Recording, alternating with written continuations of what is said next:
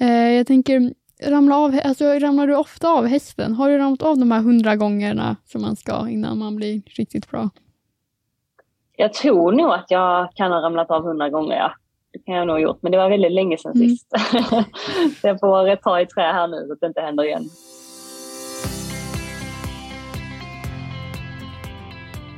God morgon Tove. God morgon Emma. Och varmt välkommen till dig som lyssnar på Vi hörs i Underlandet som är Knivsta biblioteks podd för och med barn och unga. Och vi, även om det är morgon eller inte, så för dig så är du varmt välkommen. Ja, eh, vi sitter här en måndag morgon, tillbaka efter sommaren. Utvilade och eh, härliga. Absolut. och det här är avsnitt 12 av podden. Inspelningen gjorde vi i juni och eh, det känns ju väldigt länge sedan. Det som är fint är att det här avsnittet, nu när det släpps, det knyter vi an till hästtemat som vi avslutade vårsäsongen med. Mm. För det tidigare avsnittet som var nummer 11, det handlade om hästböcker. Det var ett samtal mellan författaren Helena Dahlgren och två unga läsare. Ja, det var ett jättefint samtal. Eh, men nu så lägger fokus mer på ridning lite mer konkret. I avsnittet har vi Elsa, 13 år, som pratar med Johanna Lassnack, som är hoppryttare, mental coach, föreläsare och influencer. hon har tillsammans med Susanne Högdahl skrivit boken En mental sporre, Ta din ridning till nästa nivå, som kom ut 2021. Har inte hon en podd också? Jo, det har hon. Eh, hon har podden Avsuttet med Elsa och Johanna. Och då är det såklart en annan Elsa än i, än i det här avsnittet. Eh, och sen har hon även haft en egen podd som heter En mental halvhalt. Ja, intressant. Hon gör mycket grejer. Ja, verkligen. I det här avsnittet finns det många bra tips till dig som rider och dig som gillar hästar och även till dig som är intresserad av mental träning.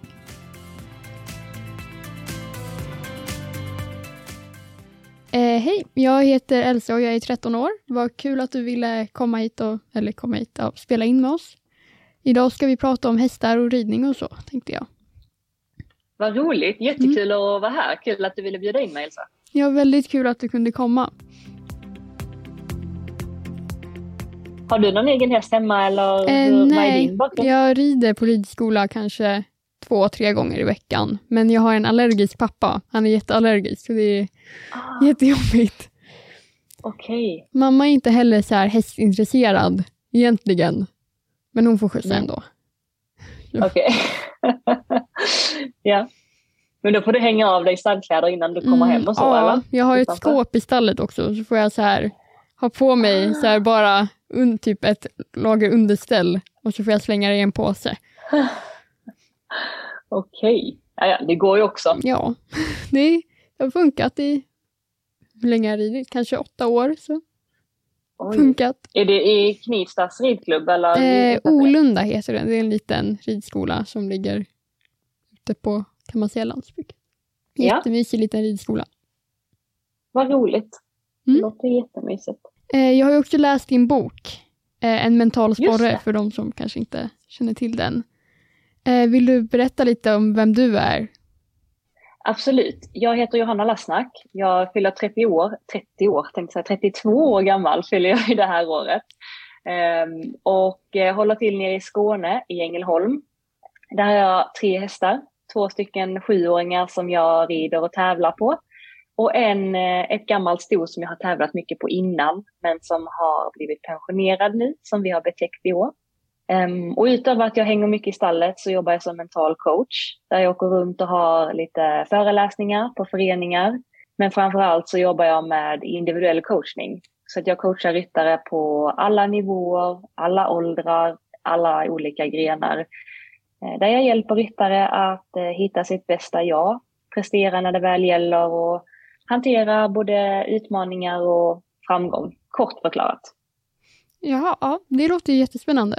Hur många ryttare liksom mentalt coachar du samtidigt ungefär, alltså enskilt då? Det, det är lite svårt att, att, säga. Jag har väl runt mellan 100 och 200 Oj. klienter som jag jobbar med. Men eh, det är ju så när man börjar jobba tillsammans så eh, är ju inte tanken att jag ska hänga på hela tiden utan när vi har haft möte första halvåret så har vi det ganska intensivt och sen efter det här halvåret så går det längre och längre mellan mötena. Så att de jag har haft längst kanske jag har ungefär två gånger om året med möten. Och de jag precis har börjat med har jag cirka var tredje vecka. Så att eh, det är svårt att säga hur många jag coachar samtidigt, men eh, där är väl ett spann på eh, runt 100-150 som är aktiva. Så att säga. Det var väldigt många. Jag tänkte inte alls att det skulle vara så många. Men är det det du jobbar med då, eller vad är det som är ditt, liksom, vad lever du på? Exakt, det är det jag jobbar med och eh, som jag lever på. Sen så jobbar jag också med mina sociala medier, framförallt min mm. Instagram. Där jag har mina samarbetspartner som också är en stor del i, i min satsning och sådär. Så att eh, det är en kombination av mitt yrke som mental coach och sen mitt yrke som influencer på sociala medier. Men eh, du har, är det ett företag eller vad kan man kalla ryttarinspiration som du har skapat? Ryttarinspiration är en sida på eh, Instagram och Facebook där syftet är att inspirera ryttare. Jag startade det 2013 när jag själv hade, jag hade haft stora utmaningar i min, mitt mentala hela min uppväxt. Att jag hade jobbat mycket med mig själv och insåg att det funkar ganska bra med, med mental träning och jag hade fått fantastiska resultat. Och jag tyckte att vi ryttare, vi lägger så mycket tid och pengar på vår häst och på bra utrustning och bra träning, men vi glömmer ofta oss själva. Så jag ville starta en sida där jag öppnade upp för den mentala biten hos oss ryttare. Så då startade jag Ryttarinspiration och då började det egentligen med att jag la upp lite inspirerande citat och lite texter och sen så eh, gjorde jag lite roliga sketcher bara för att eh, lätta upp det lite. Där jag gjorde mig rolig lite på som ryttare eh, ur ett humoristiskt perspektiv. Vilket exploderade, folk älskade det. Och det är ju nio år sedan nu och eh, sen har ju de här, ehm, eh, eller Ryttarinspiration om man sänker sidan, har ju lett mig in då på föreläsningar och individuell coachning. Men i dag, dagens läge så jobbar jag inte superaktivt med själva Ryttarinspiration utan det har mer blivit att jag jobbar med mitt eget personliga varumärke. Så det är mer Johanna Lastmark än Ryttarinspiration just nu. Men det låter ju, men du föreläser en del också, nämnde du. Alltså åker du runt och så här, berättar om mental träning och ja, den biten? Mm. Mm, det gör jag. Jag åker runt på klubbar. Inte lika mycket som jag gjorde förut. Nu har jag dragit ner lite på det för att jag tyvärr inte hinner. Men, men eh, några om året gör jag. Mm. Ja, när jag läste din bok här, det var ju väldigt mycket bra tips och så. Och jag tänkte kring det, har du studerat den mentala biten eller vart kommer alla tips ifrån? jag har utbildat mig till mental coach och sen tipsen är väl ganska mycket mina egna.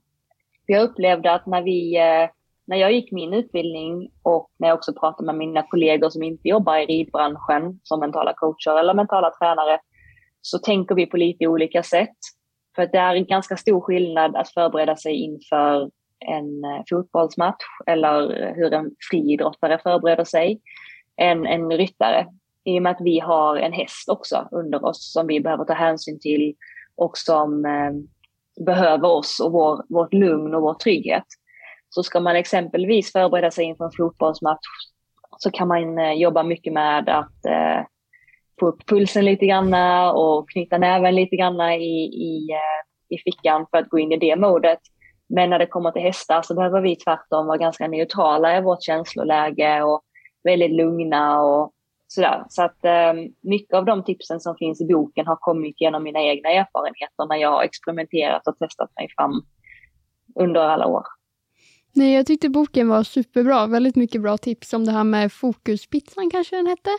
Det här med ja, att man skulle för föreställa sig hur fokuset flög iväg.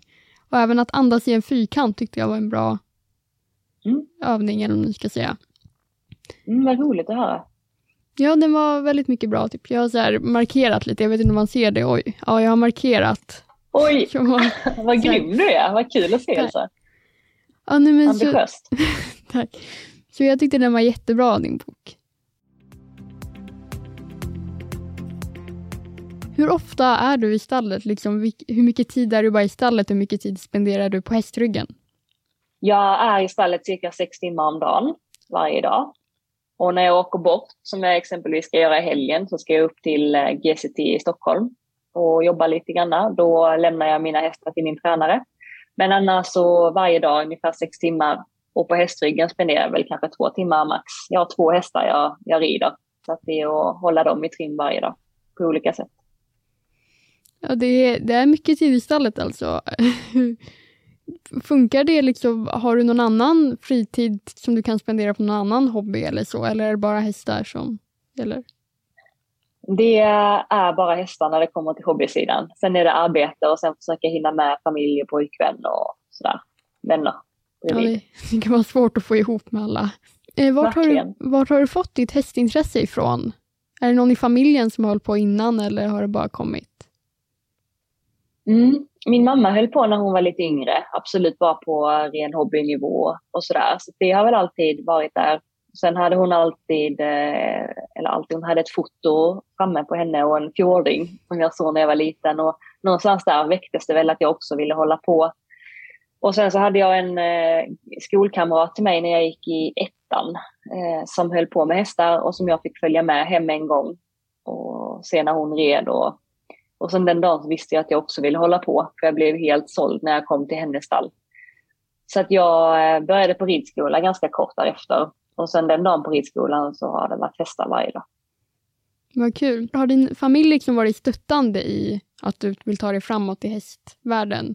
Har de hjälpt dig mm. med tävlingar och så kanske?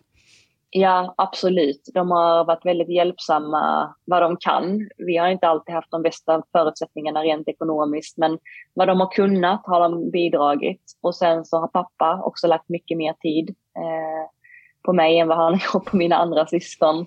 Eh, hängt på träning och tävling och sådär. Så att eh, de har varit stöttande utifrån deras förmågor. Vad härligt. Vad skulle du säga liksom, på ridbranschen i generellt sett? Är folk snälla? Alltså, hur är klimatet eller ska säga, i ridbranschen? Jag tycker det är väldigt stor skillnad beroende på var man befinner sig och i vilket sammanhang och sådär.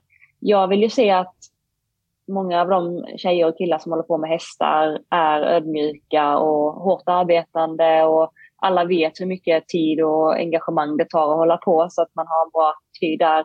Men sen såklart förekommer det ju mobbing och andra tråkiga eh, sammanhang även i, i hästbranschen såklart. Och det är ju mycket med, med jämförelse och sådär.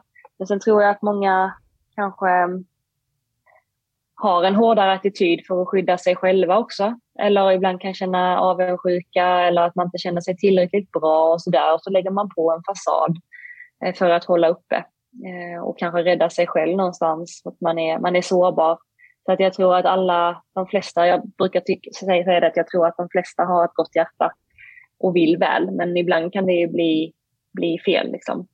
Men jag tycker att på de tävlingarna jag är på så är det väldigt, väldigt bra klimat och i vårt stall har vi jättebra gemenskap och alla vill varandra väl och stöttar varandra och så. Jag tror att det är olika. Jag upplever det också när jag pratar, när jag kommer ut på föreläsningar eller pratar med klienter, att det är så olika hur man har det. Mm. Beroende på var man befinner sig. Skulle du säga att är det bara liksom vart man befinner sig som spelare eller skulle du säga att det är någon skillnad lägre, alltså mellan nivåer i hästbranschen? Svårt att säga. Jag skulle väl säga att det nog är lite hårdare klimat i lägre nivåer tror jag. Det känns som att eh, ju högre upp man kommer så vet folk vad det innebär lite mer att hålla på. och Man vet att man kämpar. Sen så tror jag inte att man har lika mycket tid liksom att lägga på alla mm. andra på det sättet. Man är så fokuserad på sin satsning. Så att eh, mm, det är svårt. Jag har inte befunnit mig på, på båda nivåerna på liksom deras spets så att säga. Mm. Så det är svårt för mig att säga men det är väl i så fall det jag skulle kunna tänka mig. Du nämnde lite snabbt en ätstörning. Hur liksom, vill du berätta mer om den eller?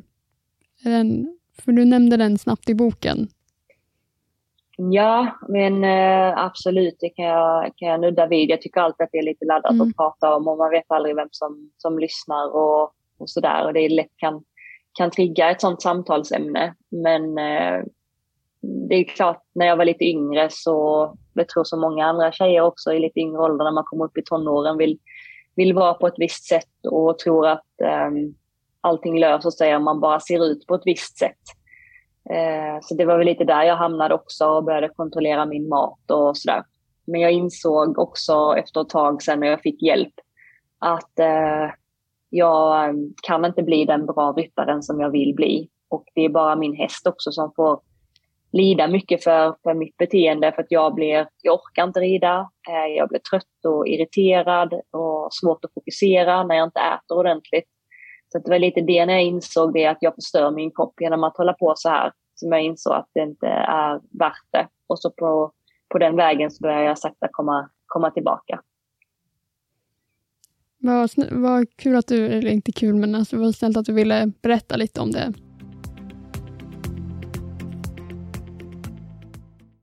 Vad, har du några liksom, favorittips för att bli bra både med hästar och mentalt?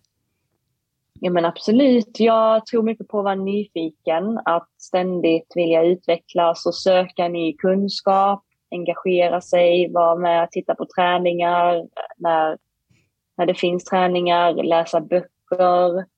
Eh, och också att våga testa saker och ting, att inte vara rädd för att misslyckas. För att eh, när, man, när man misslyckas så handlar inte det om att man är dålig på något sätt, utan det handlar bara om att man inte har lärt sig än. Och hur ska man kunna någonting som man aldrig har gjort tidigare? Så det gäller ju att träna sig och vara beredd på att det kommer att bli lite motgång, det kommer att komma lite misslyckanden. Men tränar jag bara så kommer det att bli bättre. Och att använda det som en motivation snarare än att, att det pushar en tillbaka, liksom, eller håller en tillbaka. Ju mer rädd man är för att misslyckas, desto mindre vågar man göra. Och vågar man inte göra så utvecklas man ju inte heller. Ja, som den här, jag vet att en sida handlade om att man skulle kliva ut sin comfort zone. Är det lite så att man utvecklas, inte om man gör mm. samma saker om och om igen, utan man måste testa Exakt. nya. Exakt. Precis, så det tror jag är jätteviktigt. Och sen eh, se saker och ting eh, långsiktigt. Så att man inte har på kortsiktiga mål att den där träningen är livsviktig eller den där tävlingen är livsviktig. Att man tänker att man ska utvecklas lite, lite på varje träning eller lite på varje tävling. Och att inte liksom eh, eftersträva perfektion, för det finns inte, utan att bara kanske sätta ett litet mål, att idag ska jag tänka på att ha mina hälar lite mer nedtrampade eller ha mina tummar upp när jag rider eh, och ta ett steg i taget så att man inte sätter för många krav på en gång, så att säga. Och sen tror jag att eh, ta hjälp av en tränare och omge sig med, med bra människor. Det är några tips. Ja, de var jättebra. De ska jag ta med mig. Varför just hoppning? När du valde liksom, är det, fastnade just för hoppning eller är det några andra grenar du har testat på innan? Alltså det har bara alltid varit självklart. Jag vet egentligen inte varför det blev så, men jag har alltid tyckt att det har varit roligast. Eh, dressyr tycker jag också är såklart är roligt när man verkligen rider dressyr ordentligt och sådär. Sen är det ju mycket, när man hoppar så måste man ju ha hästarna verkligen mellan hjälperna och det är en annan typ av dressyr, lite mer markarbete så. Det tycker jag är väldigt, väldigt kul. Men så här fälttävlan och sånt har jag aldrig, det är jag för feg för. Jag tycker att det är liksom för farligt för att hålla på med. Så hoppning har varit det som alltid har varit självklart. Men är alla dina hästar hopphästar då, alltså utbildade i hoppning eller är någon av dem dressyrutbildad också? Eller de lär ju vara lite dressyrutbildade alla, men ja, mestadels hoppning är de. Sen eh, eh, min ena häst är, eh, har väldigt, väldigt lätt för sig. Eh, har väldigt hög ridbarhet så han kan man göra lite mer på än vad man kan på exempelvis min andra häst. Eh, jag tänker, ramla av, alltså, ramlar du ofta av hästen? Har du ramlat av de här hundra gångerna som man ska innan man blir riktigt bra?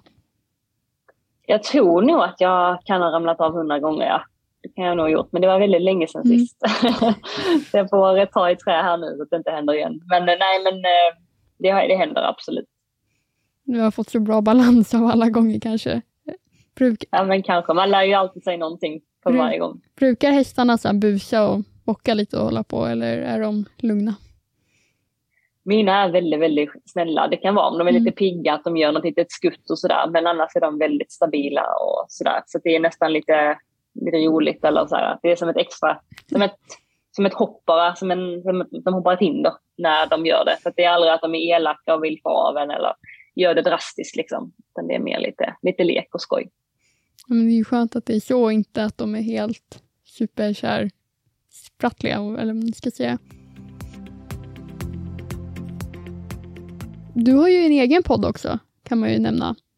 Eh, mm. Hur kom ni på tanken till det och så? Eh, jag hade ju först min egna podd för, eh, som jag startade för tre år sedan, som heter En mental halvhalt. Där jag ville prata lite om de här, mycket av det som finns i boken är ju också från podden. Jag ville eh, peka ut ett eh, område per poddavsnitt som vi eh, kunde dyka ner i och jag ville ge tips, exempelvis på att komma in i ditt fokus, eh, hantera andra människors åsikter, hantera misslyckanden, förbereda dig inför tävling. Alltså det fanns liksom en titel för varje poddavsnitt och så var de runt 20-30 minuter. Den gick superbra och jag upplevde att det var väldigt kul att hitta poddar. Och sen så gick det några år och så tänkte jag att jag vill börja podda igen men det hade varit roligt att göra det tillsammans med någon. Att inte bara sitta själv för det är alltid lite lättare när man är två. Mm. Och eh, så ville jag att vi skulle starta en podd där man bara snackar häst liksom och hoppning och ups and downs och en podd som var högt i tak. Och då la jag ut det, att jag hade funderat på det. Och då eh, hörde Elsa av sig, min nuvarande poddpartner då. Hon hörde av sig och sa att hon eh, hade tyckt det var skitkul att vara med. Eh, och sen så bara högg vi på den idén och sen så körde vi igång typ två veckor senare. Så att eh, där har vi nu, vi spelar in eh, en gång i veckan och släpper podd varje måndag. Och där pratar vi om allt, verkligen.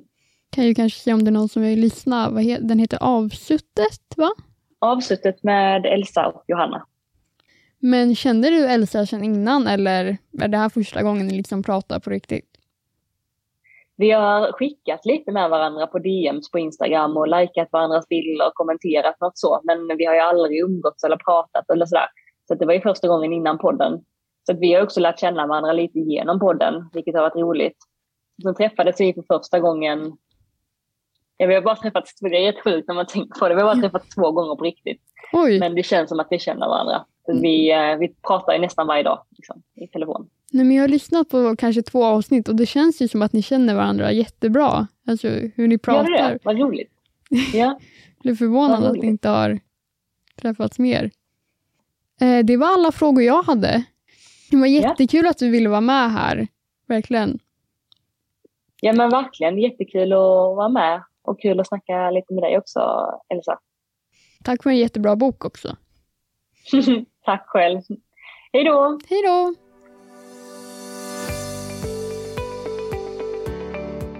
Du har lyssnat på Vi hörs i Underlandet. Vad tar du med dig från det här samtalet, Tove? Jag gillade verkligen hur Johanna pratade om nyfikenhet och utveckling.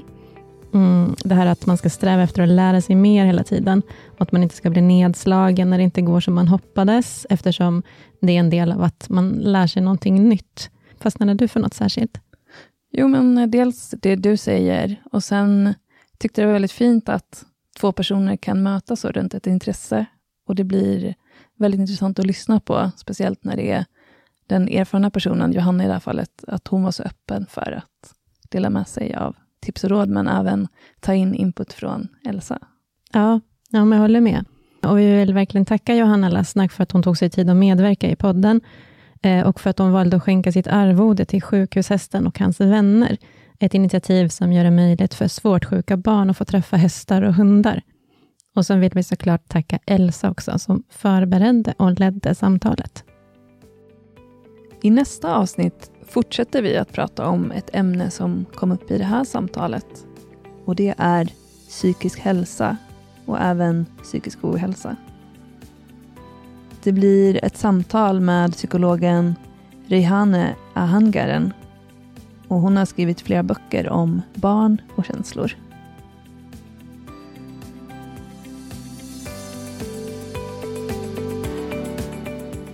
Podden produceras av Knivsta bibliotek.